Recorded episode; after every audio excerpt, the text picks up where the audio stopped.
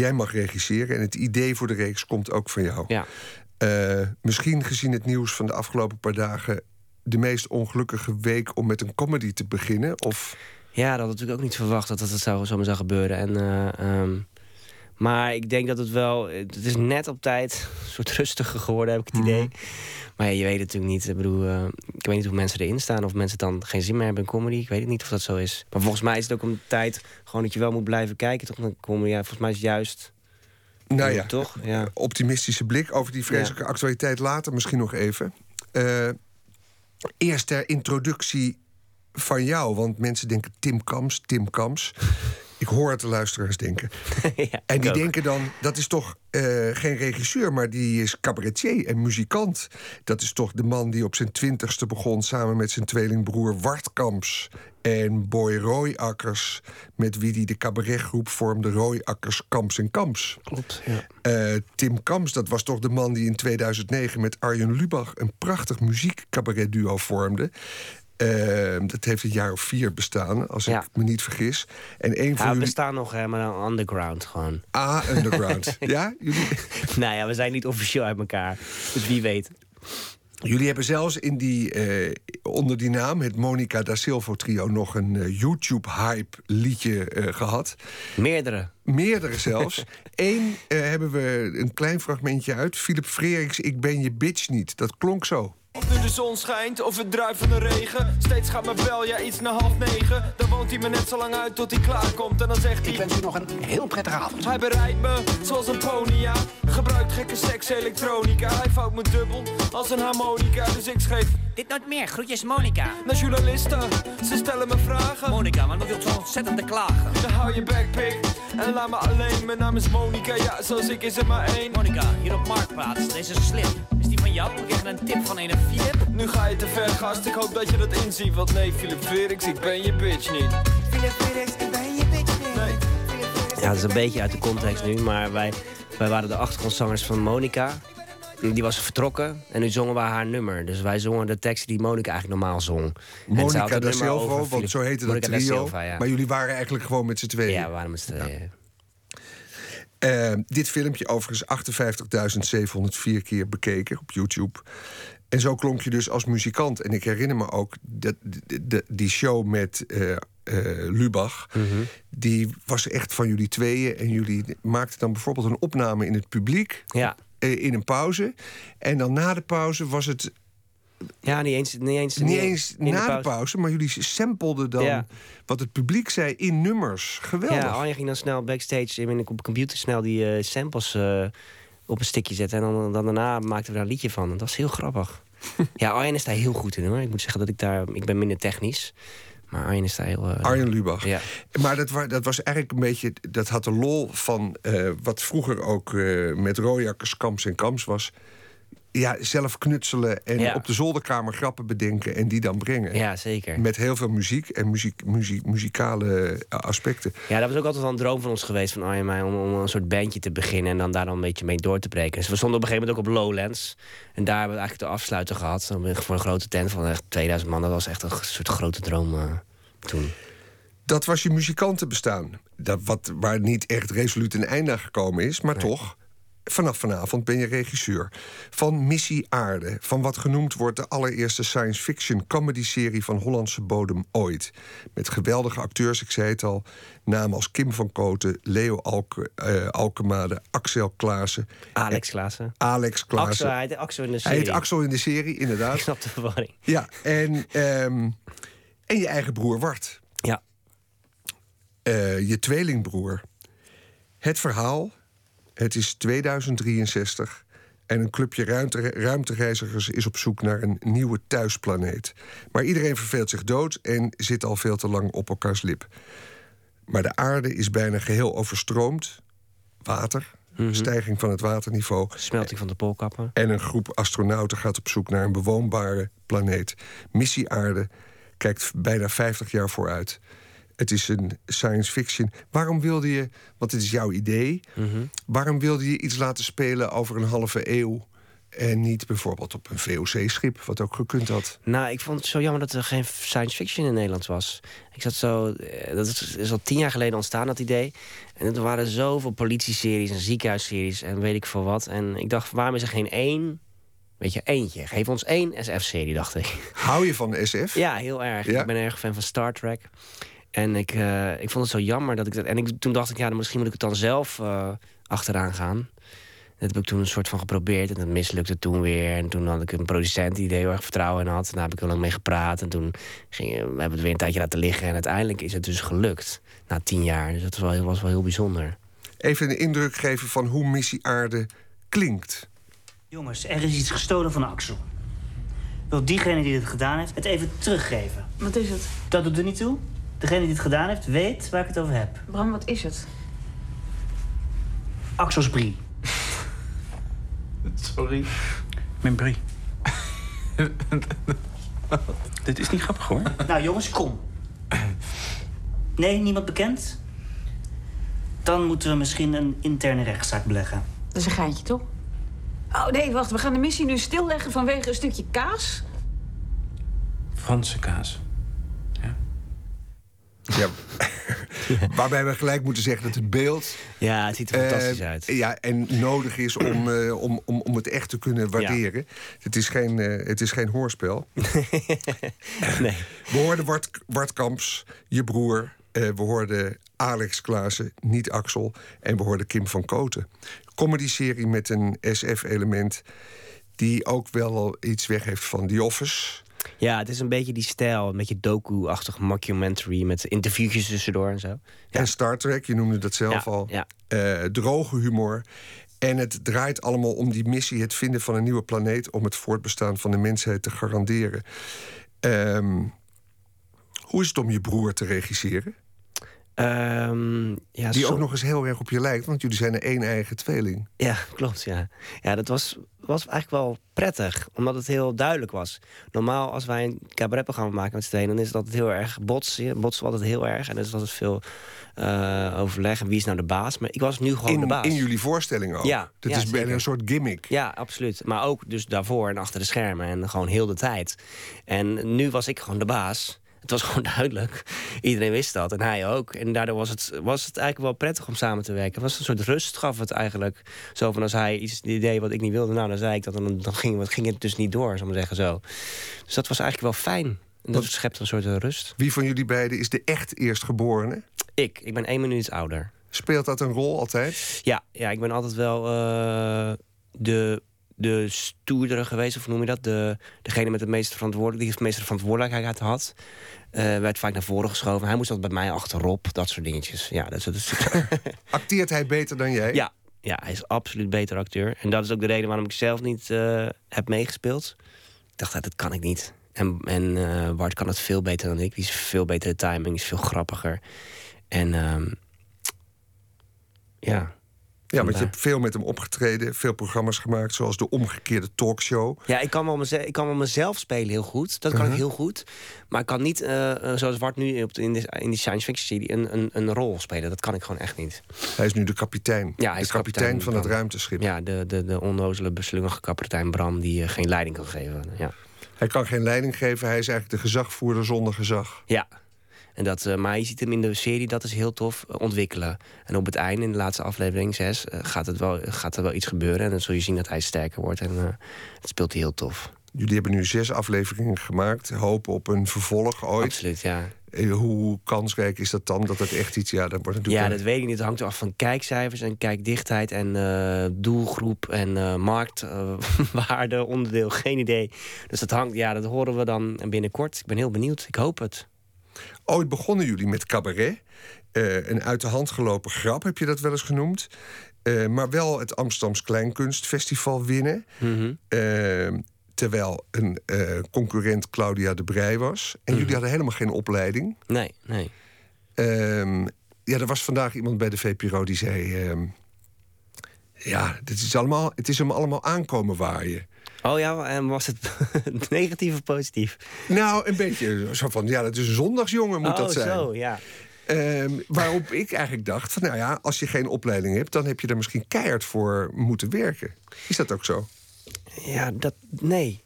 Ik denk het niet, eigenlijk. Ehm, maar we hebben dan bijvoorbeeld aan deze serie heb ik bijvoorbeeld wel keihard gewerkt. Maar ik denk met mijn cabaret hebben wij nooit keihard gewerkt. Nee, dat ging altijd wel vanzelf. En, dan, eh, en daardoor was het misschien ook vaak eh, ehm, raar. Of, eh, of, of vonden sommige mensen het ook amateuristisch of zo. Het was nooit helemaal verzorgd. Dus het, was- was, was, ja, het was Nou, Ja. misschien schuilt daar juist wel kwaliteit ja, dat in. was ook de kracht. Dat het zo rommelig was, slordig... en dat we net niet goed konden articuleren en alles. En dat was ook eigenlijk onze handelsmerk. en daar zijn ook veel mensen voor gevallen. En dat was ook, ook onderdeel van het succes. Mhm. Dus ehm, Nou, Pierre Bokma, die trouwens meedoet aan deze serie. ja, klopt, ja. Hoewel die in die eerste aflevering nog onzichtbaar is. Ja, hij speelt de leader in... en hij is in aflevering 5 is die, komt hij even tevoorschijn. Die heeft op dezezelfde stoel gezeten. En die zei toen, toen, toen het ging over ambitie... toen zei hij, ja, je moet niet al te ambitieus en eerzuchtig zijn. Want dan werkt het niet, talent. Nee, en dat is ook niet fijn om te zien. Ik vind het ook als, niet prettig als iemand... Als ik ambitie zie aan iemand, dat vind ik altijd heel naar om te zien. Als je iemand ziet dat iemand wil... eh, dat was bij ons ook eh, nooit eh, het geval. Het, kwam ons allemaal wel, het, was allemaal, het was allemaal wel vrij natuurlijk, inderdaad. Ehm, jullie begonnen dus ooit zonder vooropleiding eh, cabaret te spelen. Mhm. Herhaalt de geschiedenis zich nu, nu je eigenlijk zonder opleiding opeens als regisseur aantreedt? Ja, maar ik zie dit, dat bijvoorbeeld dat cabaret dan wel, wel weer een opleiding hier naartoe, zal ik maar zeggen. Ik bedoel, ik had het niet kunnen doen als ik niet dat allemaal had gedaan. Als ik geen cabaretvoorstelling had gespeeld, als ik het niet zelf had geschreven.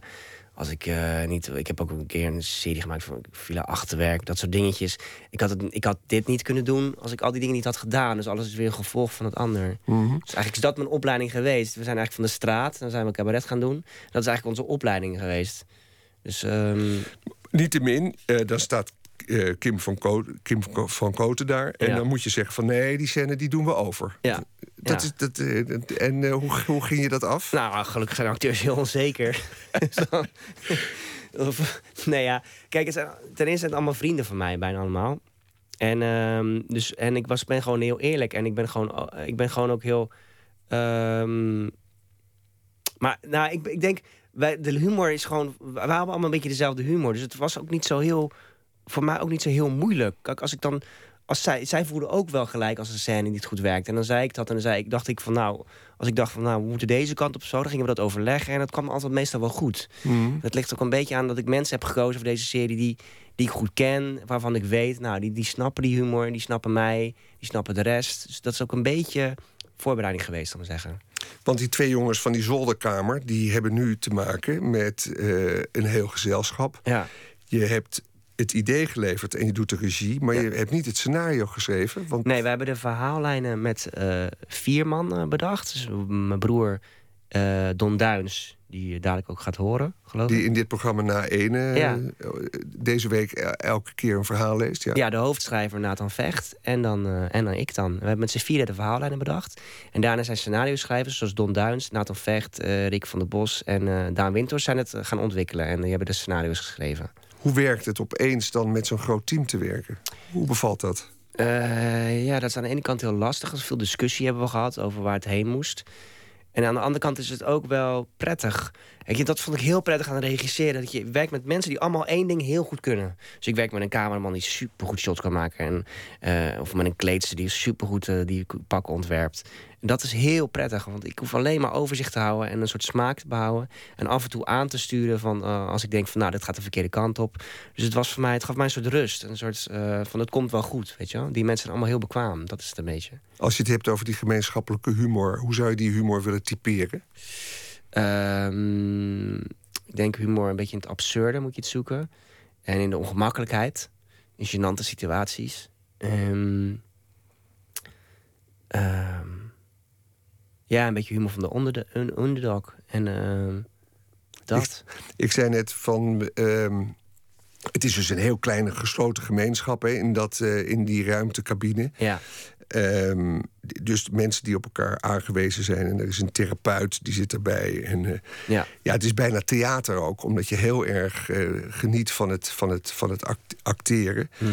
Ehm, en ik zei net, we gaan het nog over de actualiteit hebben in dit gesprek. Het gaat nadrukkelijk niet over politiek. Nee, hebben we ervoor gekozen. Hoewel er wel een minister in voorkomt, minister van Ruimtezaken. Ja. Ja, die is de verantwoordelijke voor de missie. Dus die belt af en toe in via een groot scherm. Oh, nou, groot, valt wel mee. Eh, belt ze af en toe in om te kijken hoe het met de missie eh, staat. Ja, dat is Beppie Melissen. Die is ook wel... Ja, geweldige Ja, actrice. heel leuk. En waarom eh, kies je dan nadrukkelijk om het niet over politiek te hebben? Nou, omdat we dan te veel moesten zeggen over de toekomst en hoe het er dan uitziet. Is toch juist leuk? Ja, maar we vonden dat ook eh, een gevaar. Eh, misschien komt het nog wel in het volgende seizoen, maar we vonden het ook een gevaar nog op dit moment. We wisten het ook niet zo goed. Ik heb wel voor gekozen bijvoorbeeld om, het, om eh, Pierre Bokma een president te laten zijn. Waarmee ik dus een kleine hint geef dat het Koningshuis in 2063 niet meer bestaat. Tenminste, dat kan je eruit opmaken. Dus dat soort kleine dingen zitten er wel in. En die minister is een vrouw, Ja. waaruit je kan opmaken dat, dat het geen eh, republiek, eh, van- geen islamitische republiek wordt. Zoals in het boek van Ouelle Beck, waar het Nee, ook precies. later in Dat, dit eh, programma over zal gaan. Ik denk niet dat dat gaat gebeuren. nee. Was je de afgelopen dagen wel bezig met die slachting in Parijs? En, en, Ja, natuurlijk. Ja, ik was het wel aan het volgen. Ik werk op zaterdag, dat is morgenochtend, voor Spijkers met Koppen. En dan schrijven wij altijd sketches voor cabaret. eh, eh, op Radio 2 is dat. En dan... ja, we zaten daar ook heel erg over te mailen van wat we nou, hoe we dat moeten aanpakken. Of hoe, wat, wat, wat is er nog grappig? Weet je, wat kan je zeggen? Wat, eh, ja, wat mensen leuk gaan vinden? Of wat moet je zeggen? Het is best wel lastig. Mhm. Dus ik heb er wel eh, flink over nagedacht, ja. En ehm, ja, je hebt die, die gijzelingen gehad. Je hebt die, die, die, die zware realiteit die ik vandaag... Ik had de televisie aanstaan en daar zag je dan beelden op, Ja. op NPO 2 van... eh, dit is een rechtstreekse verbinding met Frankrijk. Ja. En eh, de, de- zonder commentaar. Dus de- je al die agenten uitglijden? Die dat heuveltje, heb je dat gezien? nee, dat heb ik niet gezien. Ik Ja, dat niet- dingen dat, dat, zit ik dan te letten. Want je ziet eigenlijk niks. nee, je ziet En dan niks. zie je een paar agenten een heuveltje opklimmen... en die gleden allemaal uit. En dat vond ik dan wel weer grappig. En je zo. wordt alleen maar met een minuut ongelukkiger. Althans, dat Ja. had ik. Maar jij zat dus daar toch nog naar de Nou, ik, komische ga, details ik, te ik kijken. dwaal dan af en dan zit ik gewoon te kijken... wat, er, wat gebeurt er nou eigenlijk? Wat, zit ik dan, wat doen die politieagenten? Die stuurt dan die camera weg en zo. Ik zit dan meer bij, bij de beelden te kijken... dan naar wat er eigenlijk gebeurt. Dat ben ik dan op een gegeven moment ben ik dat dan weer kwijt of zo. Mhm. Ja, ik ben niet dat het verschrikkelijk is of zo, dat niet. Maar dan dwaal ik toch een beetje af. of vind je dat gek? Nou ja, nee, ja. Kijk, ik vind het verschrikkelijk hoor. Maar ik bedoel, als ik dan zit te kijken naar zo'n uitzending... ja, er gebeurt niks. Dus dan... Ja, dan En wat voor dat grappen ga je daar morgen over maken bij Spijkers met Koppen? Ja, dat is lastig. Dat weten we eigenlijk nog niet. Ik, ben, ik heb wat dingen geschreven. Maar ja, dan moeten we maar kijken of dat de uitzending haalt. We hebben dus altijd een vergadering vooraf. En dan gaan we door alles heen wat iedereen heeft eh, verzameld. Maar ja, ik weet niet. Ik vind het moeilijk hoor. Wat is grappig? Wat- Het is niet gewoon geen grappige situatie. Dus ja, hoe ga je daar een grap, leuke grap over maken? Mhm. Ehm, ja, want heb je iets met die humor van die eh, Charlie Hebdo eigenlijk? Die absurde humor waarvan gezegd wordt... Ja, die venijnige, keiharde humor. Ja, ik vind die cartoons niet zo heel leuk. Ik, vind het nooit, ik heb het nooit echt heel leuk gevonden. Ehm, maar ja, eh, ja, dat hoeft ook niet. Maar... Nee, het, grappige is dat nu heel veel mensen op de bres springen... voor hele filijne, harde humor. Ja. Eh, als één ding... ja, maar dat snap ik. Bedoel, dat, dat, is gewoon, dat moet gewoon kunnen. En, eh, Mhm. dat, dat, dus, dus daar springen ze meer voor op de bres dan, eh, dan of ze, dat ze het nou heel tof vonden of zo, Ja. toch? Of niet? Ja. Ja, nou ja, je, je kunt zeggen eh, dat eh, bijvoorbeeld Van Aartsen zich opgewonden heeft over dat hij dan op een bepaalde manier werd afgebeeld Ja. door geen stijl of door andere filijne grappenmakers. Ja, maar ja. dat eh, Charlie Hebdo vele malen verder gaat. Ja. Dus dat het in dat licht gezien weer wonderlijk is dat hij op de bres wordt. Maar Ja, ik snap het. Ja, ja. Natuurlijk de vrijheid van meningsuiting. Maar je hebt natuurlijk diverse verschillende eh, soorten humor. En als je nu, om terug te keren naar Missie Aarde... de nieuwe serie die, eh, die nu te zien is... als je die humor zou willen typeren, dan is die absurd. Dan is die ook eigenlijk heel erg lief. ja. Hele, een hele lieve, lieve serie, lieve ja. zachte humor. ja, klopt. Ook vergeleken met Jiskevet. Het kon af en toe heel filijn en keihard zijn en grof. Ja. Toren C eigenlijk ook. zegt, ja. ja, ik weet niet waar het vandaan komt. Dus het is misschien zo'n rustige fase in ons leven of zo. Want we hebben wel dingen gemaakt vroeger die dan eh, best qua, eh, op het randje zaten of zo. Maar ik ben nooit... Ja, als je zegt het heeft met... terwijl achter, de schermen dat was allemaal super grof. Alleen maar grove grappen. Dus het is, het is ook wonderlijk eigenlijk. maar het is op een of andere manier past het heel erg goed bij die SF en bij die, eh, bij die missie om het, om, het op, om, de, om het over die onbenulligheden te hebben en zo. Dat is, pa- dat is een hele goede combi. Ik denk dat het ook niet anders had gekund, deze combi. Het moet ook zo zijn, denk ik. Zo lief. Ja, daarom was het voor mij geen straf of geen wanklank om het de afgelopen dagen te bekijken. Ja. Ik heb drie afleveringen dan kunnen zien. En eh, het, het, het, het, het was ontroerend ook af en toe. Ja.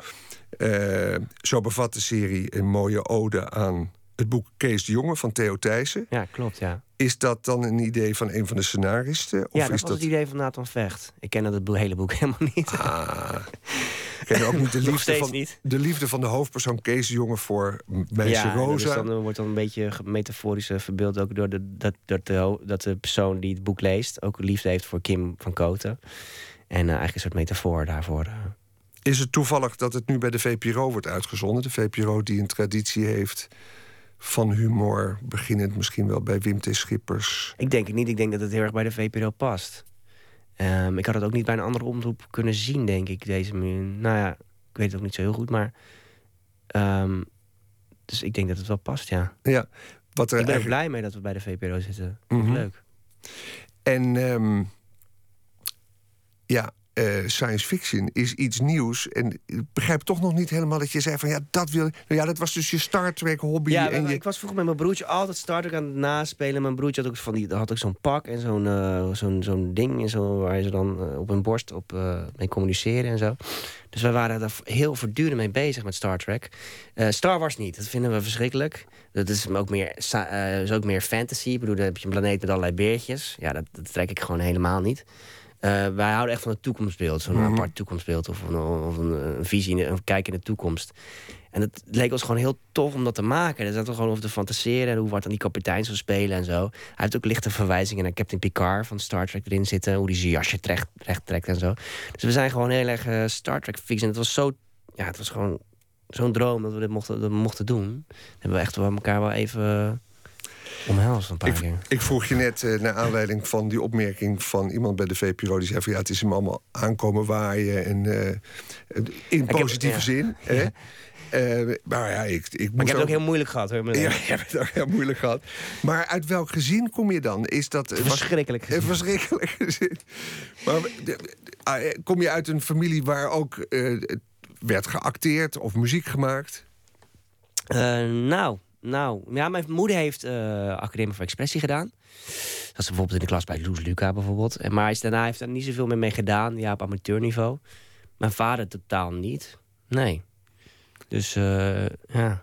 En er is een mooie mee. geschiedenis dat jouw ouders ooit gingen scheiden. En, dat, Ja, mijn moeder werd lesbisch en toen ging mijn vader ging ze uit elkaar. en hoe oud wa- waren jullie toen? Hoe oud was de Toen waren tweeling? wij eh 27, nee. toen waren we drie, twee of zo. Twee, denk ik. Echt waar? Maar toen gingen we nog een tijdje bij elkaar wonen in één groot huis. Heel verwarrend allemaal. En toen eh, uiteindelijk eh, zijn ze ook apart gaan wonen. Toen ben ik bij mijn vader gaan wonen en Wart bij zijn moeder. Toen zijn we eigenlijk... eh, Wonderlijk. ja, een hele wonderlijke situatie. Dus je ouders de jaren scheiden. 80. De ouders scheiden, maar de broertjes, de tweeling scheiden ook. Ja, dat was een heel, heel heftig moment. En, nee, maar dat was de jaren tachtig. Dat waren allemaal hele rare woongroepsituaties in, in Nederland. Het was allemaal heel erg... eh, Het is eigenlijk iets om eh, diepgaand te bespreken met Alex Klaassen, de boordpsycholoog. Eh, Ja. Axel, die echt geweldig is. Die, ja, dat is zo ontzettend grappig. Wat een humor Ja. en, en wat een klasse. Genoeg reclame gemaakt. eh, Ik denk het wel. en eh, ontzettend fijn dat je hier was, Tim Kamps. En gefeliciteerd met de start van die serie. In een rare, rare situatie deze week. Maar hij is natuurlijk ook bij uitzending gemist. En het zal een Ja. serie worden die nog. eh, Hij wordt zondag herhaald ook. Dus. Bijvoorbeeld. En is anders natuurlijk te krijgen. De komende maanden gaan we ervan genieten. Dankjewel, dat je hier was. Tim Kamps. Straks na het nieuws gaan we verder met het tweede uur van Nooit meer slapen. Dan tipt onze smaakmaker Katja de Bruin enkele boeken die in Nederlandse vertaling zijn verschenen. En we openen straks, zijn naam werd al even genoemd, met Don Duins. Een van de scenaristen dus van deze serie.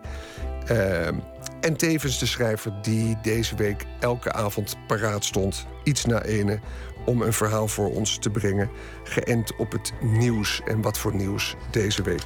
Dat en meer straks na het nieuws van ene.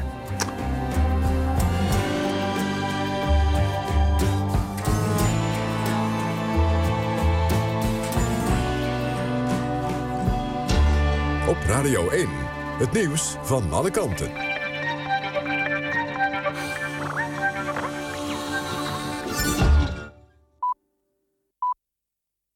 Het is 1 uur, Dielke Teertstra met het NOS-journaal. Al-Qaeda bevestigt zijn betrokkenheid bij de aanslag op het satirische blad Charlie Hebdo in Parijs. In een videoboodschap zegt een Al-Qaeda-leider uit Jemen dat de aanslag een wraakactie was voor het publiceren van spotprenten over de profeet Mohammed. Hij zegt dat de daders, de broers Kouachi, de makers van het blad de grenzen van de vrijheid van meningsuiting moesten leren. Eerder vandaag zei een van de broers al op een Franse nieuwszender dat hij was gestuurd door Al-Qaeda. De terreurbeweging zou de aanslag ook hebben gefinancierd. Kouachi zei dat hij werd getraind in Jemen. De twee broers kwamen vanmiddag om het leven toen de politie een drukkerij binnenviel waar ze zich hadden verschanst. Ze hielden daar een man gegijzeld. De twee waren sinds de aanslag woensdag op de vlucht. De vier doden die zijn gevallen bij de gijzeling in een Joodse supermarkt in Parijs waren al dood voordat de supermarkt werd bestormd door de politie. Ze werden doodgeschoten toen gijzelnemer Amédi Koulibaly de supermarkt binnendrong. De politie maakte aan het einde van de middag een einde aan de gijzeling. Daarbij kwam Koulibaly om het leven. Zeker 15 mensen werden bevrijd. Agenten vonden later 15 explosieven in de supermarkt. De Franse president Hollande heeft zijn medeleven betuigd aan de familie van de slachtoffers van de terroristische aanslagen van de afgelopen dagen. Hij zei dat deze tragedie voor de natie ook een opdracht voor het land is om de vrijheid van meningsuiting te waarborgen. Een pro-Israël-demonstratie die zondag gepland stond op de Dam in Amsterdam gaat niet door. De organisatie heeft de afgelopen dag gesproken met de gemeente en de politie. Dat gebeurde naar aanleiding van de gijzelingen in Parijs. Volgens de organisatie kan de veiligheid van de deelnemers zondag niet worden gegarandeerd. Het weer nog. Vannacht blijft het onstuimig, maar het wordt wel droog. De komende dag is het bewolkt en overwegend droog. Rond het middaguur is langs de noordkust kans op storm. Dit was het NOS Journaal. NPO Radio 1. VPRO. Nooit meer slapen.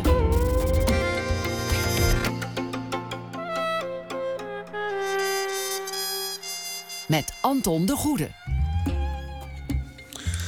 Welkom terug bij Nooit meer slapen. Wat brengt ons dit uur? Op de dag van de aanslag op de redactie van Charlie Hebdo kwam ook Soumission uit, het nieuwste boek van Michel Houellebecq. Straks bezoeken we met schrijver Christian Weitz de film The Kidnapping of Michel Houellebecq, die opheldering verschaft over zijn vermissing tijdens een promotietournee in 2011. En met de gitaristen Joep Pelt en Anton Goudsmit gaan we het hebben over hun held Stevie Ray Vaughan. Het is 25 jaar geleden dat die om het leven kwam bij een helikopterongeluk. Maar we beginnen dit uur zoals gebruikelijk met een schrijver of dichter die reageert op iets wat er in de wereld is gebeurd. En voor de laatste keer deze week doen we dat met toneelschrijver Don Duins. Studeerde theaterwetenschappen en was verantwoordelijk voor succesvolle toneelstukken als Snorro, Lang en Gelukkig, Woofside Story en onlangs nog te zien Groeten uit Den Ilp, een voorstelling over Anton Heijboer. En daarnaast schreef hij romans en scenario's, zoals het vorige uur besproken, ook voor de televisieserie Missie Aarde, die eh, vanavond begon. Goedenacht, Don. Goedenacht, Anton. Ja, gisteren deed je verslag van je aanwezigheid op de Dam. Ja. Ehm, het was weer zo'n uh, zo'n dag vol met uh, naar nieuws. Ja, ja, absoluut. En, uh, en niet alleen maar uit, uit Frankrijk. Ik werd ook niet erg vrolijk van, van die informatie die dan niet door is gegeven aan luchtvaartmaatschappijen. En het hele nieuws ging eigenlijk over veiligheid. Dat werd steeds genoemd. Veiligheid met, met de gasboringen, veiligheid met nou ja, dus die, die vliegtuigen. ja, en natuurlijk in Frankrijk. Dus het, soms is het dan even te veel. Mm. En uitgerekend moet jij er dan midden in de nacht uh, een kort verhaal over vrochten. Ja, ja maar wat, nou, je, wat je trouwens uh, wat je goed afging de afgelopen week. Ja, ik heb wel op mijn donder gehad op internet van een van de rechtsblog. Ik weet niet of het recht is van een historicus van mijn verhaal wat ik uh, hield toen de week nog onschuldig was. dat was dus dinsdag over die anti-islam demonstraties in Duitsland. Mm. En, en uh, iemand meende mij terecht te moeten wijzen dat ik als een van de eerste dan meegenomen zou worden als de islam het nu hier voor het zeggen kreeg. Dus dan heb je dat soort dingen. Juist, ja. Dan pleit je voor nuance en dan zeggen ze... ja, maar jij wordt als eerste weggehaald. Dus eh hou je mond maar. Nou, ik, ik schrik daar niet van, hoor. Het, het maakt mij niet uit, maar...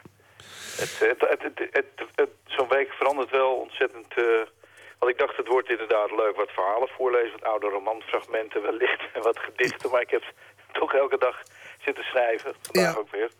Ja, en je moet je dus niks aantrekken van commentaar. Nou ja, als ze daar ergens dus eh, raad mee wisten, was dat, bij, was dat in Parijs, bij dat blad. Ja. Charlie Hebdo. Eh, Tim Kamps die zei net ook, ja, meestal... Ik heb wel even gekeken wat voor tweets er waren... maar ik hield mijn hart eigenlijk vast.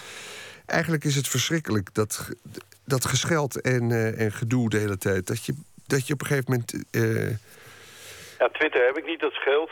mm, En eh, Facebook, dat heb ik nog wel. Maar dat, dat is wat rustiger dan Twitter. Dat komt niet elke Ja. seconde binnen. nou, we gaan luisteren en je het woord geven voor je bijdrage van vandaag. Het heet Jam. Shem. Jam heet het. Vanavond kwam, na een dag zwaar nieuws, mijn lievelingsprogramma weer op televisie. 24 uur met, gepresenteerd door cabaretier Theo Maassen. De formule is bedriegelijk simpel. Een gast wordt 24 uur lang opgesloten met Theo Maassen... en alles wat de gast en Theo samen doen en zeggen wordt gefilmd. En daarna in 40 minuten gecomprimeerd. Vanavond was volkszanger Frans Bauer te gast. Hij van Heb je even voor mij. De dynamiek tussen Bauer en Maassen was fascinerend. Theo wilde actief zijn, diepere lagen aanboren, bewegen, tot de kern komen. Frans wilde vooral op de halfronde bank liggen... die hem deed denken aan het bankje in zijn eerste caravan. En opruimen. Theo wilde een spelletje doen, daar had Frans geen zin in. Ze oefenden de houtgreep op elkaar. Frans was sterker. Op verzoek van Theo schreef Frans een nummer in enkele minuten. Maar waar het mij nu om gaat, speelde zich af tegen het slot van het programma. Terwijl de klok aftelde naar nul, sneed Frans eigenlijk voor het eerst zelf een onderwerp aan. Wat volgde was een dialoog van zo'n mooie absurditeit dat ik hem hier wil citeren. Voor alle liefhebbers van het betere bizarre theater in de traditie van Beckett en Ionesco. Jem. Frans eet nootjes en staart voor zich uit. Theo ligt op de bank. Frans, weet je wat ik tegenwoordig ook wel irritant vind in de supermarkten? Theo zegt niks. Frans, ze hebben tegenwoordig bijna alleen maar huismerken. Frans eet nog een nootje. Theo kijkt naar Frans vanaf de bank. Theo, ik weet niet naar welke supermarkt jij gaat, maar... Frans, maakt niet uit naar welke je gaat. Eerst heb je huismerken, huismerken, huismerken. Ik vind dat dat tegenwoordig de overhand krijgt. Laatst heb ik me een half uur het gompen lopen zoeken voor aardbeienjam. Theo, ja, die was er wel, maar alleen van een huismerk. Frans, ja, 700 verschillende soorten huismerk zie je dan.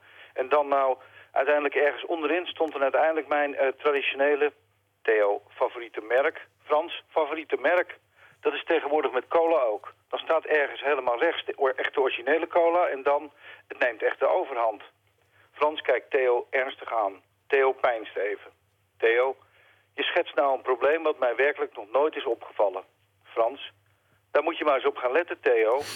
Theo, oké Frans. Korte stilte. Frans, als ik mijn aardbeienjam proef en ik zet drie andere potjes ernaast... dan smaakt die toch echt anders. En zelfs met mijn ogen dicht haal ik gewoon mijn favoriete jam eruit. Je moet er maar eens op letten. Chocopasta ook. Theo, ik heb, i- ik heb het idee dat we eindelijk bij de kern komen. Dat jam eigenlijk heel belangrijk is in jouw leven.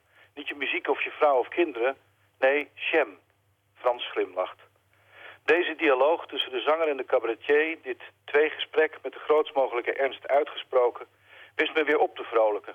Na al het nieuws over de gijzeling, de gasbel, de MH17. Dit geëmmer van Frans Bauer over zijn favoriete jam, daar gaat het uiteindelijk om. Details, schijnbaar onbelangrijke zaken, maar het feit dat je erover door mag zagen is van groot belang. Zo bezien belichaamt de favoriete jam van Frans Bauer in feite de kern van de democratie. Of ik had vandaag enorme behoefte aan wat escapisme. Dat kan ook. Mooi. En gelukkig was daar Don Duins die dat, eh, die dat doorgaf aan ons. Don, heel erg dank voor vijf zware dagen bijdragen die er niet omlogen. Dank je wel en eh, graag Heel tot horens. Dag, Don Duins.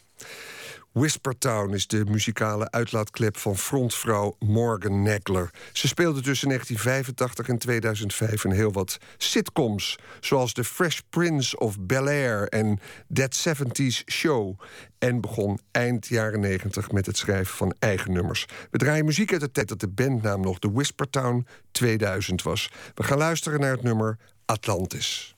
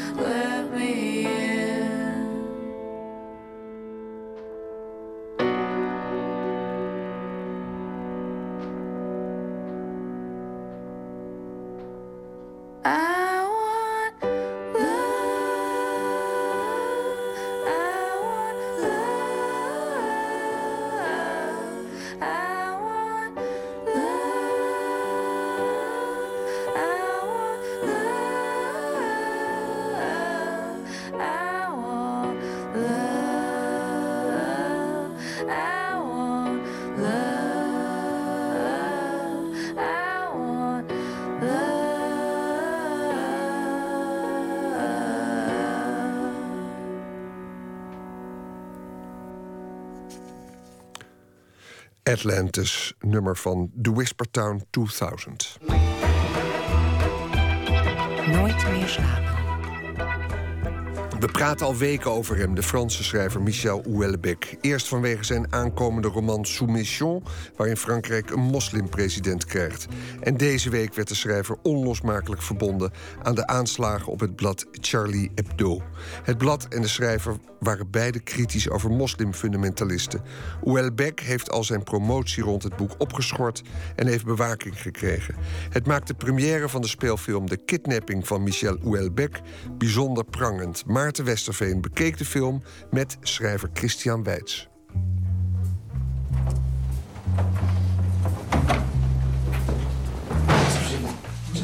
De titel De Kidnapping van Michel Welbeck dekt de lading volledig.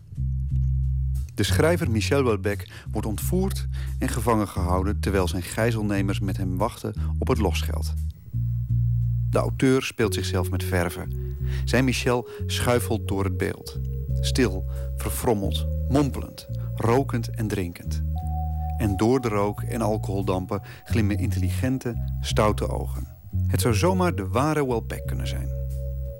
Schrijver Christian Weitz is een groot liefhebber van de Fransman en legt uit waar de premisse van de film vandaan komt. Nou, toen in 2011 zou Michel Houellebecq uh, naar hier komen, naar Den Haag. En ik dacht, nou, dat is leuk, dan kan ik hem eindelijk eens zien. Een beetje aapjes kijken natuurlijk ook. En uh, hij wordt in het Nederlands uitgegeven bij de arbeiderspers, waar ik ook ben uitgegeven. Dus ik denk, nou, dan kunnen we misschien nog even backstage of zo even handjes schudden. Ik denk, dat is interessant. Maar toen was al heel gauw duidelijk van, nou, waar is hij, twitterde toen mijn uitgever. Waar is hij? En hij was opeens spoorloos verdwenen. Dus dat vond ik op zich wel...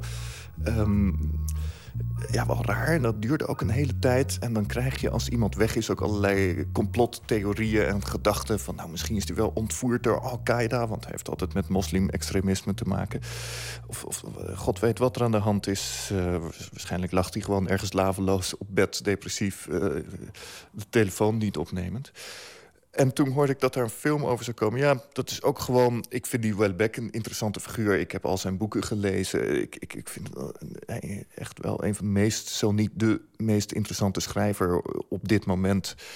En, en wat je natuurlijk altijd hebt met schrijvers die je goed vindt... is dat je in eerste instantie, tenminste werkt bij mij... dat, dat je ze leest en denkt, ja, dit wereldbeeld, dit, dit begrijp ik, dit overtuigt. En dit is eigenlijk hoe ik zelf altijd al gedacht heb... zonder dat ik het onder woorden heb kunnen brengen. En eindelijk is er nu iemand die precies zegt wat ik eigenlijk wel... hoe ik het eigenlijk voel en die het heel helder kan krijgen. En dat, dat misschien is dat wel een, een retorisch trucje, hoor. Maar bij Welbeck overtuigd dat. Het was ook het eerste wat ik van hem las, was De Wereld als Markt en Strijd. Dus ook zijn eerste roman, zou je kunnen zeggen. En uh, dat, ik dacht, wauw, dit is totaal anders dan alles wat ik eerder heb gelezen. Een soort gorddroge stijl over, een, over een, een, iemand die bij een computerbedrijf werkt. Volstrekt uitzichtloos leven. En, en alleen maar dat benoemen, dat was al heel erg nieuw. En daarmee een, in heel kort bestek zo'n analyse van de maatschappij maken. Zo'n compleet wereldbeeld. Van, dat, dat vond ik ontzettend knap. C'est ça, voilà. On a perçu la même chose. Ouais. C'est un mec fragile. Je, je, trouve que justement, pour un mec fragile, il prend le truc plutôt bien. Bah, à mon avis, il a dû apprendre avec le temps à gérer ses stress, quoi. Eh ouais, j'adore, j'adore, j'adore les, les, écrivains. Moi je, suis un, moi, je suis un rabouin, je comprends rien à tout ça. De film is ontegenzeggelijk grappig. Maar de grap is deze week wranger geworden na de aanslagen in Parijs. Welbeck heeft vaak over de islam geschreven en deed dat zelden positief. Nog in 2002 werd hij door verschillende moslimorganisaties aangeklaagd voor het aanzetten tot haat.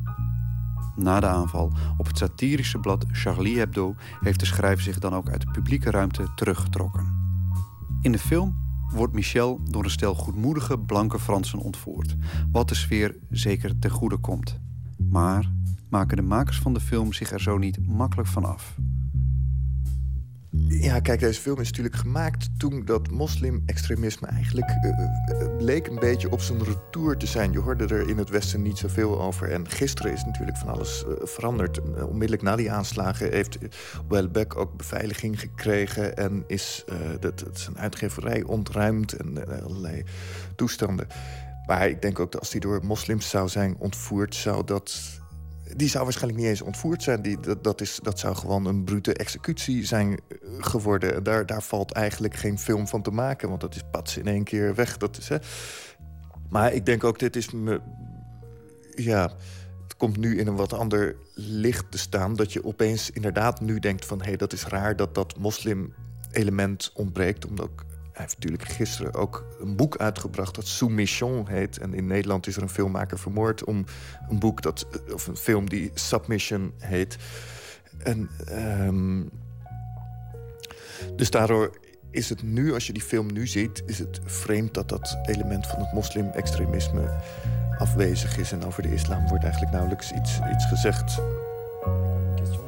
Ouais, tu l'appelles, je veux 10 000 de plus par tête, moi, maintenant. Bon, euh, tu sais que c'est pas Et comme ça que ça se passe. On a, on a discuté sur un truc, Mais- on a un deal, on va pas Oui, changer le deal en plein mais milieu. non, il a bien changé, lui, le Eh ben, deal. sur ma part, Het is je vais natuurlijk een, défrayer. een, een cultfiguur. En de paradox is dat hij in uiterlijk en manier van doen... eigenlijk helemaal geen, niet iemand is die mediageniek zou kunnen zijn. En dan denk je van, nou ja, dit is iemand die komt nauwelijks aan zijn woorden... ziet er niet goed uit. Hij doet alles wat de mediawetten eigenlijk...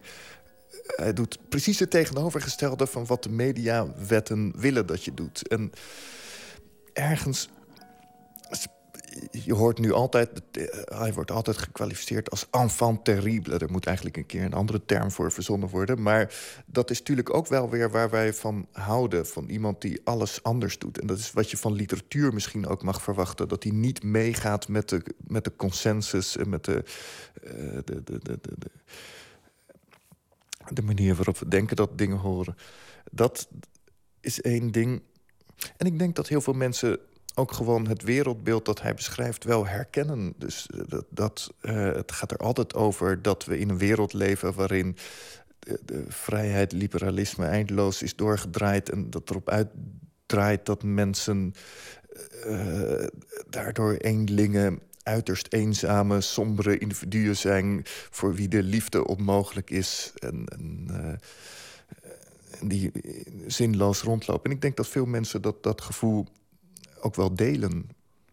Wat is, ehm, hoe zou je... ehm, Michel Welbeck heeft duidelijk een fascinatie voor de islam. Dat is in vorige boeken voorgekomen.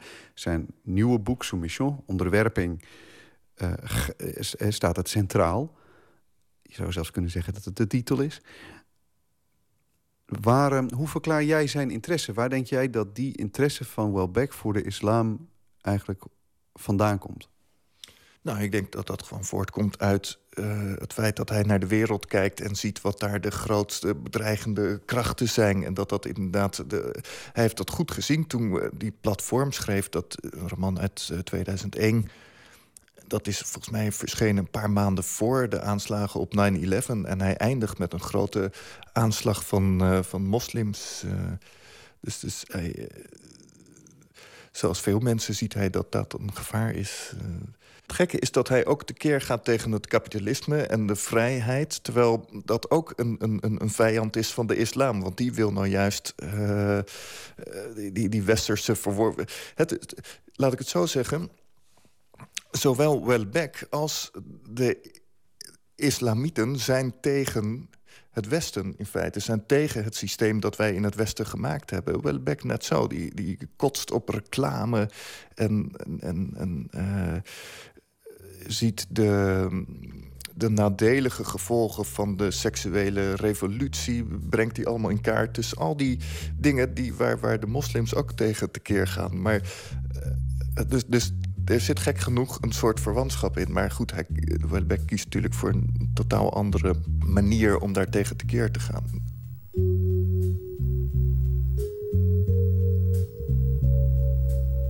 Eh, Welbeck stond eh, nou, deze keer nog op de cover van Charlie.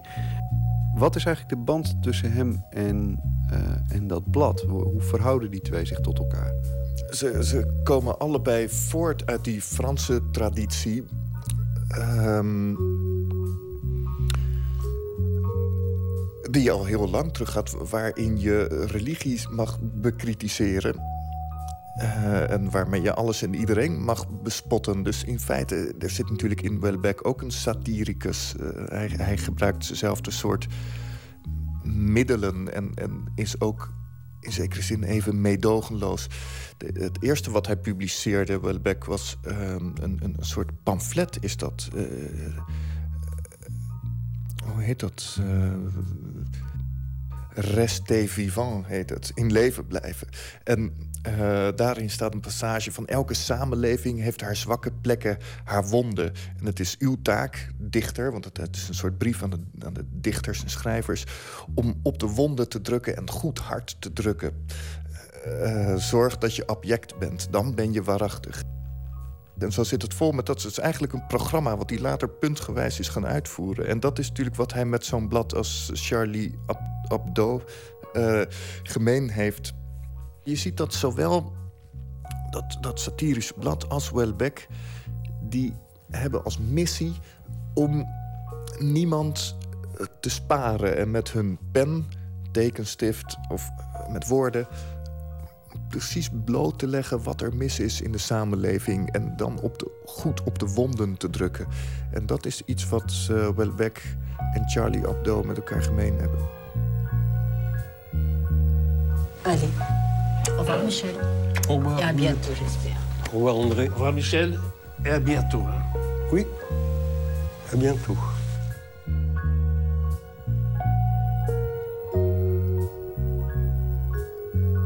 Christian Weitz hoorde u over de schrijver Michel Houellebecq. De film The Kidnapping of Michel Houellebecq is vanaf vandaag in de bioscoop te zien.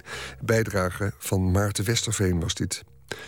Een reus, zo is Willie Dixon het beste te omschrijven. En niet alleen voor wat betreft zijn postuur, hij was groot en gezet. Maar naast het feit dat hij zelf muzikant was, schreef hij vele bluesklassiekers, onder andere voor Muddy Waters, Howlin' Wolf en anderen. En stond hij aan de wieg van de carrières van vele muzikanten, zoals die van zangeres Coco Taylor, met wie hij een aantal duetten opnam. Hier hoort u ze samen in Insane Asylum.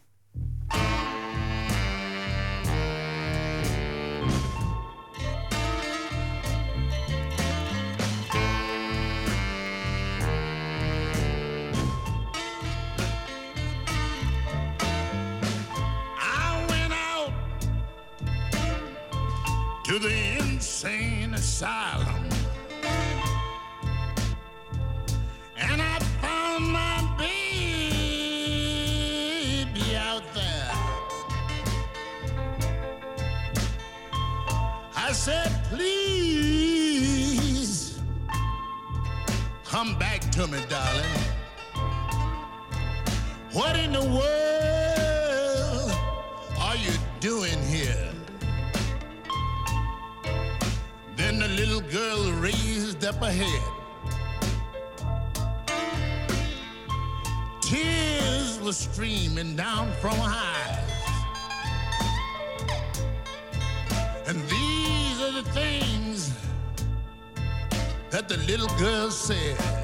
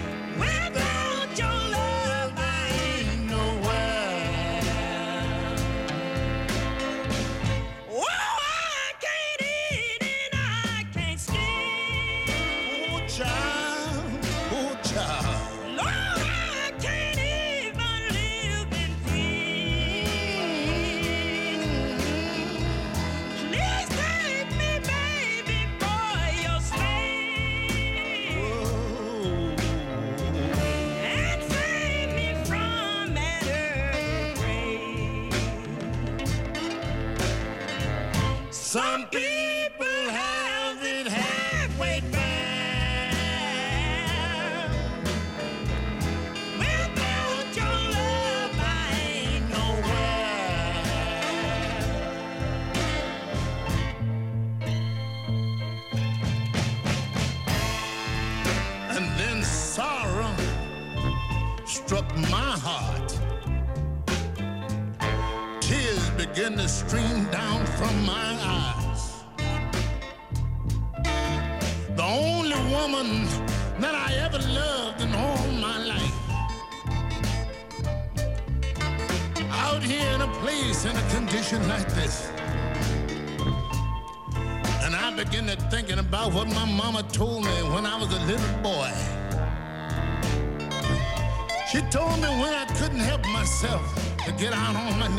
Pray.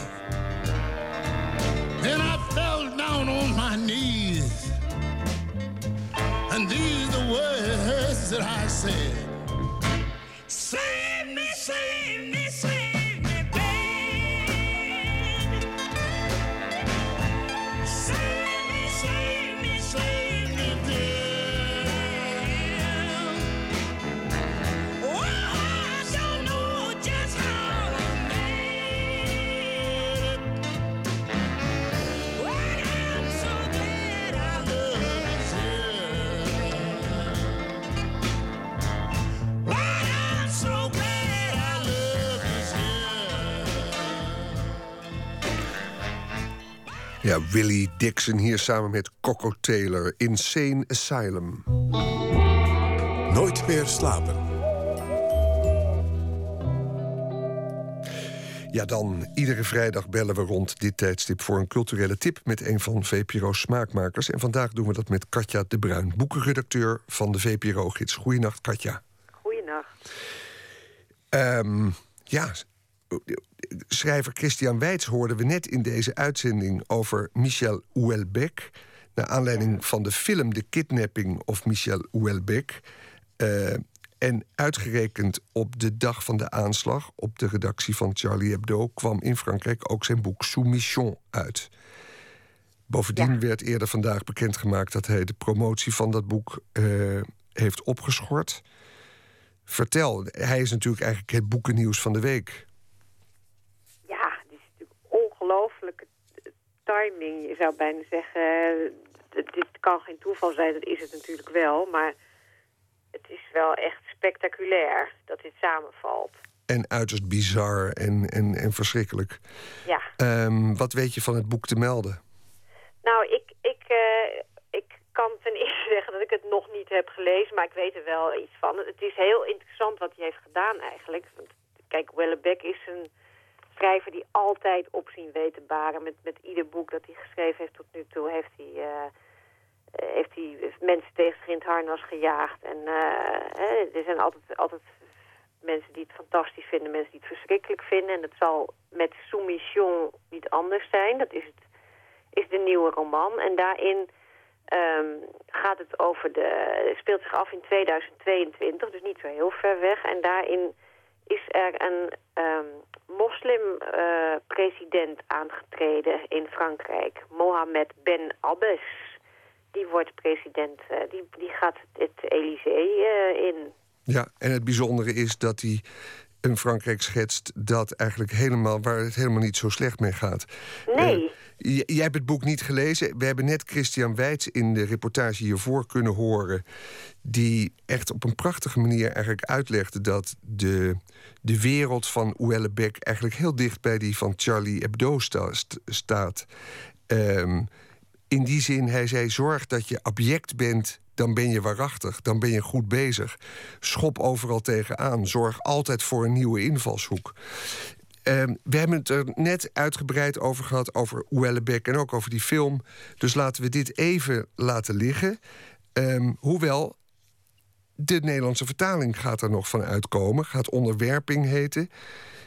Ja, wanneer, wanneer, wanneer kunnen we die krijgen? Dat is Die, misschien... die, komt, eh, die komt helaas pas in mei. Ik denk dat, eh, ik, hoewel ik me best zou kunnen voorstellen dat ze er eh, wat extra vaart achter zetten nu. Maar eh, dat, dat zal pas, voor, vooralsnog is het pas, eh, staat die pas voor mei gepland. voor mij Helaas. gepland. Terwijl er nu wel al over geschreven wordt natuurlijk... naar aanleiding van de Franse editie. Ja, ja, ja, het is echt net, net, ja, het is net twee dagen uit, dus het is, eh, het is heel vers nog. Ja, gaan we zien, gaan we meemaken. En eh, nou ja, dat, dat, dat, dat wonderlijke boek. En hij wordt beschermd, hij heeft zich teruggetrokken van die promotietour. Ja, ja. Over promotie gesproken, gisteren was vers voor de pers. Dat is altijd waar jaarlijks in Nederland hun, de nieuw te verschijnen boeken eh, door de uitgevers worden gepresenteerd. Wat viel jou daarop? Eh, nou ja, daar was ook de, de, de, de sfeer allereerst natuurlijk geheel... eh, nou ja, iedereen was nog helemaal ontdaan van, van, van, van die aanslag. Ik zag Peter Nijssen, redacteur bij de Arbeiderspers... die liep de hele middag rond met een exemplaar van Charlie Hebdo onder zijn arm. Die had kennelijk een abonnement. Dat, dat, dat is dan toch een statement wat je op dat moment even kunt maken. Niet een kopietje, maar een echte... Eh, het was, eh, ja, er, komt weer veel moois aan, gelukkig. Zoals, hè, er wordt, wordt veel geklaagd over, d- en ook wel terecht misschien door, door uitgevers, dat het allemaal zo moeizaam is. Maar toch sta ik iedere keer weer versteld van hoeveel er toch nog wordt uitgegeven en hoeveel moois eh, we nog, eh, hè, gelukkig nog komt. Dus eh, niet, niet al te somber doen daarover. Ging het nog over de Facebook-actie van eh, Zuckerberg... die eh, opeens boeken ging promoten ja, via die boeken Facebook? gaat lezen, ja. Nou ja, dat is natuurlijk, dat, dat, dat wordt, het wordt ook, ook, ook ja, door veel mensen een beetje smalend over gedaan. Van god, gaat hij nu ineens ontdekken dat een boek lezen toch ook wel, eh, wel, wel, wel leuk of interessant of goed kan zijn. Aan de andere kant eh, is, is natuurlijk, ja, alles om, om mensen aan het lezen te krijgen, zou ik zeggen, moet je omarmen. Dus waarom niet ook deze actie? En dan was er Meulenhof Schatkamer. Wat is dat? Ja, nou dat is, eh, dat, dat, is nu inmiddels worden mensen misschien zelfs een klein beetje moe van al die, die, eh, die herontdekkingen die, die, waar we mee worden doodgegooid door alle uitgevers. Eh, in, hè, we noemen nog maar een keer Stoner als, als belangrijkste voorbeeld, maar er zijn er inmiddels veel meer. Bijna alle uitgeverijen die doen daar aan mee, die proberen een graantje mee te pikken. Zo ook uitgever Meulenhof, die heeft ehm, hè, vroeger een, een, een heel mooie gerenommeerde eh, literaire uitgeverij was, waar op het moment toch iets minder... eh, hè, dus het was wat minder spectaculaire boeken uitgeven dan vroeger. Maar ze hebben natuurlijk nog een heel, heel veel moois wat ze ooit hebben uitgegeven. En ze hebben nu de Schatkamerreeks... eh, eh, daar is eh, eerder dit jaar in verschenen boeken die wel wat aandacht hebben gekregen van eh, John Fenty onder andere.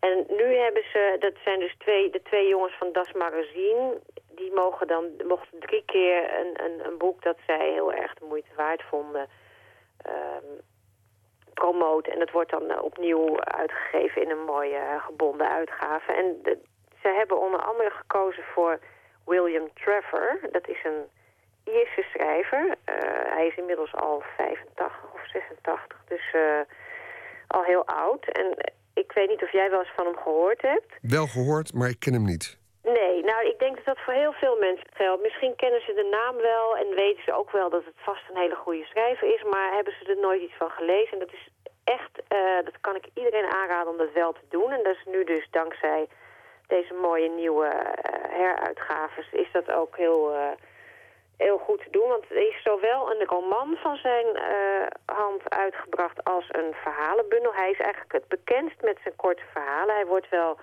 Hij wordt veel vergeleken en niet ten onrechte met Alice Munro... die, zoals iedereen dankzij de Nobelprijs inmiddels weet... echt de, de mooiste korte verhalen schrijft die je maar kunt bedenken. Zijn stijl en toon doen wel een beetje denken aan wat zij doet. Het, het- hij is, eh, ze zijn ongeveer even oud ook. En hij is weliswaar een, een echte Ierse schrijver. Al woont hij al veel langer buiten Ierland dan hij ooit in Ierland heeft gewoond. Maar zijn verhalen spelen zich heel vaak af in Ierland. En zijn heel tijdloos. Gaan over gewone mensen. eh, Niet, geen grootse eh, maatschappelijke thema's. Maar juist eh, de, de, de, de kleine gewone verhalen over, over mensen in... eh, ja, het, het is, het is heel, heel knap. Het lijkt, als je het leest, denk je van... God, ja, het, ziet er zo simpel uit, eh, zoals hij schrijft. En toch is het, eh, raak je enorm... Althans, ik hou heel erg van dit soort schrijvers. Oké. Raak je heel snel geboeid door wat hij eh, William Trevor. T-R-E-V-O-R. En eh, door Meulenhof eh, uit de archieven opgedoken. Hartstikke mooi, Katja de Bruin. eh, dat staat genoteerd. En voor meer informatie over de besproken onderwerpen... kunt u terecht op de website vpro.nl slash boeken. Dankjewel en tot de volgende keer. Singer-songwriter Ozark Henry behoort tot de veteranen van de Belgische popmuziek. Nieuw album is aangekondigd, Paramount. Intussen draaien we iets van zijn vorig jaar verschenen album Stay Gold. Dit is Deep.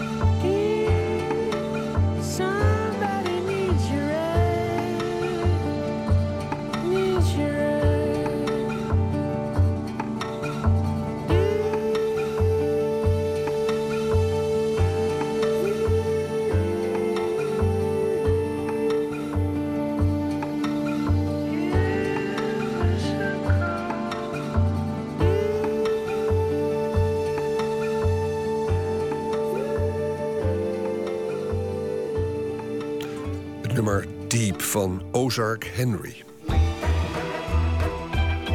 Nooit meer slapen.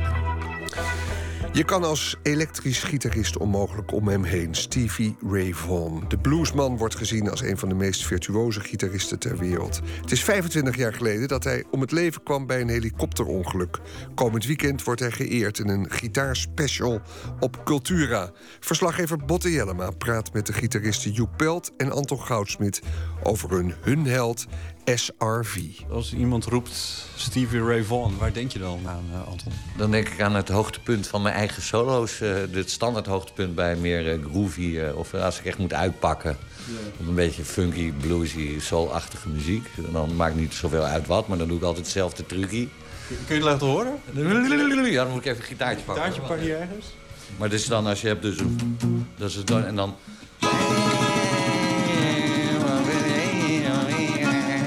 Dus echt dit, deze... Dat is echt hij.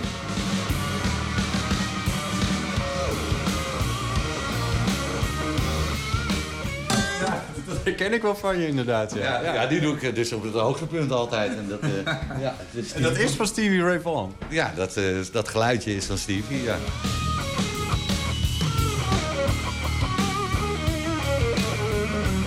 Je drukt heel veel snaren op. Je slaat er ook heel snaren en je gaat eh, eigenlijk een beetje, ja, gewoon eh, heel erg tremolo. En je zakt naar beneden.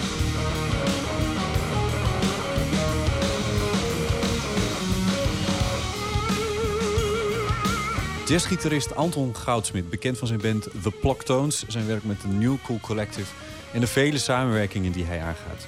Zijn signature solo feature. Heeft het van gitarist Stevie Ray Vaughan.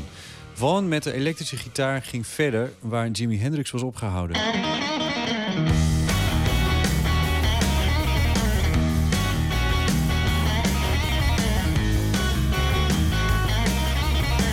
Virtuose power blues. Geboren in 1954 in Texas, op zijn zevende begonnen met gitaarspelen. Op een podium een voorkomen alsof hij net van een paard is gestapt. En vasthoudend aan één gitaarsound.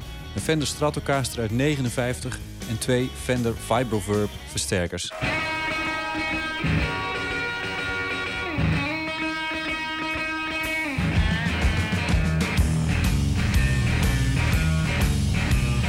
Stevie Ray Vaughan maakt begin jaren 80 naam in Texas. Het jazzfestival in het Zwitserse Montreux boekt hem in 1982 en hij treedt erop met Double Trouble, zijn drummer en bassist, als trio. Hij was teleurgesteld over de lauwe reacties uit het publiek. In een zaal die geschikt was voor akoestische jazz stond hij zijn knallende blues te spelen. Maar er is iemand op het festival die Stevie erg kan waarderen.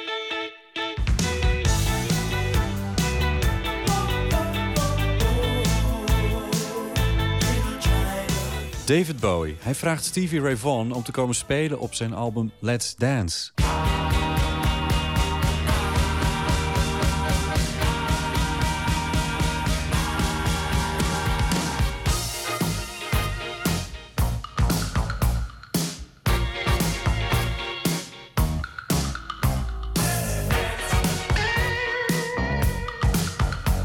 Betekent de doorbraak van Stevie. En in datzelfde jaar, 1983, komt hij met zijn eigen debuut, Texas Flood.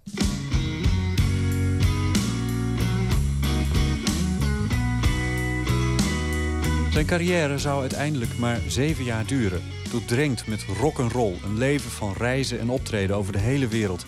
Met veel drank- en drugsgebruik. Het werd bijna zijn dood. Maar Stevie Ray Vaughan zou uiteindelijk door iets heel anders overlijden. Vaughan zou het geluid van de elektrische gitaar herdefiniëren. Elke gitarist kent SRV, zoals hij liefkozend wordt genoemd. Het is het geluid geworden van een decennium, maar ook van een plaats. Texas. Ja? Ja, echt. eh, en met name Austin. Bluesgitarist en singer-songwriter Joep Pelt. De staat en, en de sound, het is gewoon... eh, het had niet in een ander deel van Amerika kunnen ontstaan. Dat is het. En dat heeft ook wel te maken met hoe ik het heb ervaren, hoor. Want zeg maar, tegen de tijd dat ik voor de eerste keer naar Texas ging...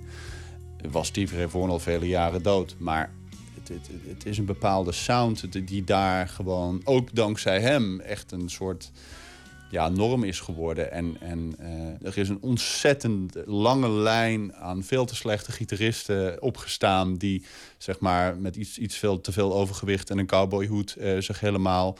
eh, in het zweet staan te soleren zonder enige acht te slaan op wat er om hen heen gebeurt. Ik, ik ben er al te veel van tegengekomen. Maar er zijn ook gewoon mensen die daar... En is vaak ook gitaristen waar je nog nooit van hebt gehoord... en die spelen dan gewoon in die, in die stijl. Je- Wat is dat? Kun je dat, kun je dat wat preciezer uitleggen? eh, nou, het is eigenlijk is het. Ik bedoel, dat is hoe ik het zie, hè. Maar het is eigenlijk is het dus wat ik zeg. Je hebt ehm, een beetje de lijn van, van mensen als, als, als Freddie King, Albert King, eh, maar ook bijvoorbeeld gitaristen als Buddy Guy. Eh, die dus echt die blues solo gitaar helemaal hebben ontwikkeld en hebben gepopulariseerd. En dus echt zeg maar dat. dat en dat, dat was ouder dan dat. Alleen zij zaten veel dichter tegen de rock aan. En hebben ook crossovers gemaakt met. Nou, niet alleen met rock and roll, maar ook met, met, met soul in het geval van Albert King, et cetera. Alleen nu wordt het eigenlijk omgedraaid en wordt, is blues is de hoofdcomponent, tenminste bij Steve Ray Vaughan dan. En, en eh, daar worden invloeden bij eh, gehaald van, van buitenaf. En eigenlijk, wat Steve Vaughan heel erg kenmerkt, is dat hij gewoon heel erg haak stond op alle shit die er in de jaren tachtig uitkwam. Zeg maar, de, de- als, de- ze waren echt aan het kijken van kunnen we nog ergens een synthesizertje bij proppen. Ik, ik zie hier nog een gaatje. En, en hier is feitelijk iemand die gewoon in een hele kale vorm muziek speelt. The sky is crying.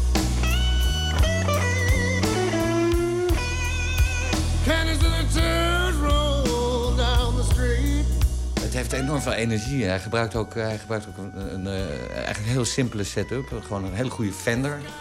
Of twee waarschijnlijk altijd. En dan f- lekker hard dat die buizen echt aan het werk, werk zijn. Anton Goudsmit. Ik weet eigenlijk nog niet eens wat voor gitaar. Ik denk dat hij gewoon een Strat had. Stratocaster. Ja, een Strat en, dat, en, en met die sound en gewoon lekker vol direct erin. Met galm van de versterker, denk ik ook. En dan gewoon met die puurheid en dan enorm veel kracht zetten op die snaar. Eigenlijk wat Johnny Kitter Watson ook deed, maar die trok er dan aan. Die, dat, dat doe ik ook heel vaak ja, met dat soort solootjes hoor wel. Dat je echt...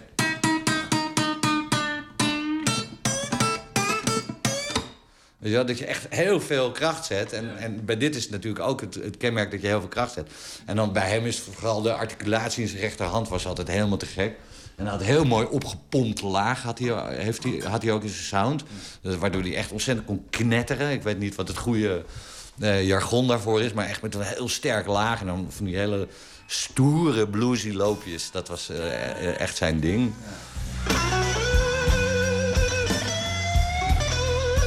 Een hele goede timing, gewoon met een paar noten. Tak! En dat staat het, weet je. Dan hoef je ook niet veel te doen. En dat is altijd ook mijn streven geweest. Om zeg maar met weinig noten, want ik ben niet zo snel. Ik gewoon dus niet zo snel. Zeg maar heel anders bijvoorbeeld dan, dan Jimi Hendrix. Hè? Jimi Hendrix was veel meer een soort brabbelaar. Die begon aan een zin en dan halverwege bedacht hij iets. En dacht van, oh, ik ga wat anders doen. En dan ging hij wat anders doen. En hij was zo ontzettend goed dat hij gewoon halverwege de zin... dat kon ombuigen naar wat anders. Terwijl Steve Ray Vaughan, zie je gewoon... dat is meer, die schiet meer vanuit zijn heup. Pauw.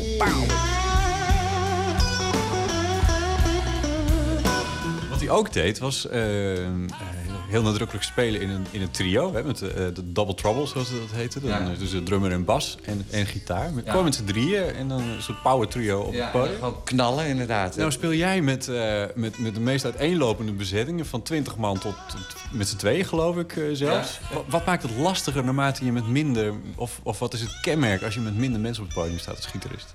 Nou ja, je hebt veel meer ruimte, dus dat maakt het eigenlijk... Ik zeg altijd maar, hoe minder ziel, hoe meer vreugd. Hoe langer de solo's, de gitaarsolo's. En je bent natuurlijk veel wendbaarder. Je kan veel meer op elkaar reageren. Maar hij is er wel in geslaagd om overslag te maken naar, naar een mainstream publiek. Daarin onderscheidt hij zich ook van veel tijdgenoten en veel soortgenoten die er ook gewoon waren. En dat waren geen Steve Ray Vaughns, maar die waren wel op eenzelfde soort tour bezig. Ja, en dan zie je toch, dan is er één artiest die om, door omstandigheden ook, het hangt van toeval aan elkaar, eh, wordt er dan eentje uitgepikt en die krijgt kans om zeg maar, dat geluid eh, bekend te maken. Eh, nou, ik denk dat hij de standaard heeft gezet. In ieder, in ieder geval voor, voor de Fender Twin Sound. Dat is zijn ding eigenlijk. Maar hij heeft dat, dat is natuurlijk heel te gek. En dan inderdaad gewoon de meest stoere... fuck you loopjes allemaal, hè, toch? Ik weet niet hoe ik het anders moet zeggen. Het is enorm macho. En heel virtuoos. En, eh, en eh, ja, het, is, het heeft een eh, hele gemene groove. Ja, dat is gewoon, hij pakt meerdere snaren tegelijkertijd. Dus heel, hij groeft die solo's echt, weet je wel. Dat is, het is allemaal heel ritmisch. Het is niet heel... Weet je, van die, van die nou ja, zo'n zo'n masturbatie-act. Dat, dat, dat wordt het niet. Omdat, masturbatie Nou ja, dat is gewoon, zeg maar, erop los eh, pielen totdat je echt niet meer kan, zeg maar. Eh, dat, dat had hij zelf helemaal niet. En die timing en, die, ja, en, en, en, en met name die aanslag, dat vind ik wel echt eh, te gek aan hem als gitarist. Het is wel echt een, een mannetje. Eh, Ja, ik ben echt fan van hem geweest. Vanaf de eerste keer dat ik hem eh, heb gehoord, ben ik, eh, ja, een le- levenslange trouwe fan van Stevie.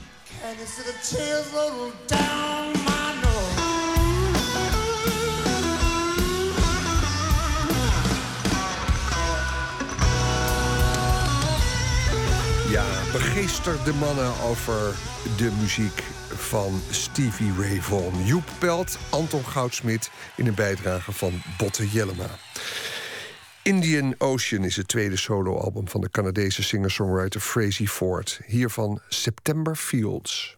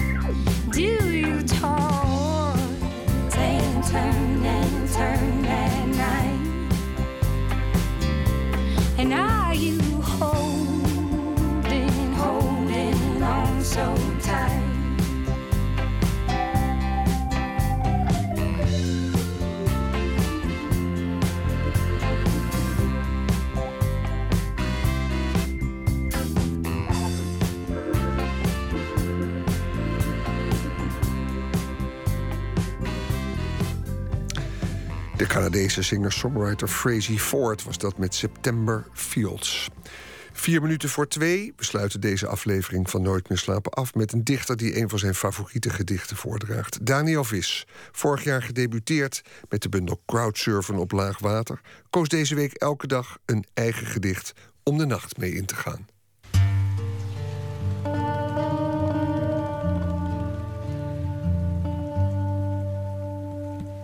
Ik heb eh, enkele jaren geleden op de Nacht van de Poëzie... eh, in een blokje dode dichters gedichten van de Vlaamse dichter Joti te Hoofd eh, voorgedragen. Omdat ik een fysieke overeenkomst met hem heb. Behoudens dat ik man ben, lijk ik ook nog in mijn gezicht op hem. Eh Joti was een nogal tragisch figuur... die op zijn, ik meen 22e door waarschijnlijk zelfmoord met een overdosis om het leven is gekomen... Maar wel nog even tijd had om eh, eh, twee bundels te schrijven, als ik het goed heb. En eh, een gigantische hoeveelheid essays. Een verzameld werk is iets van 900 pagina's.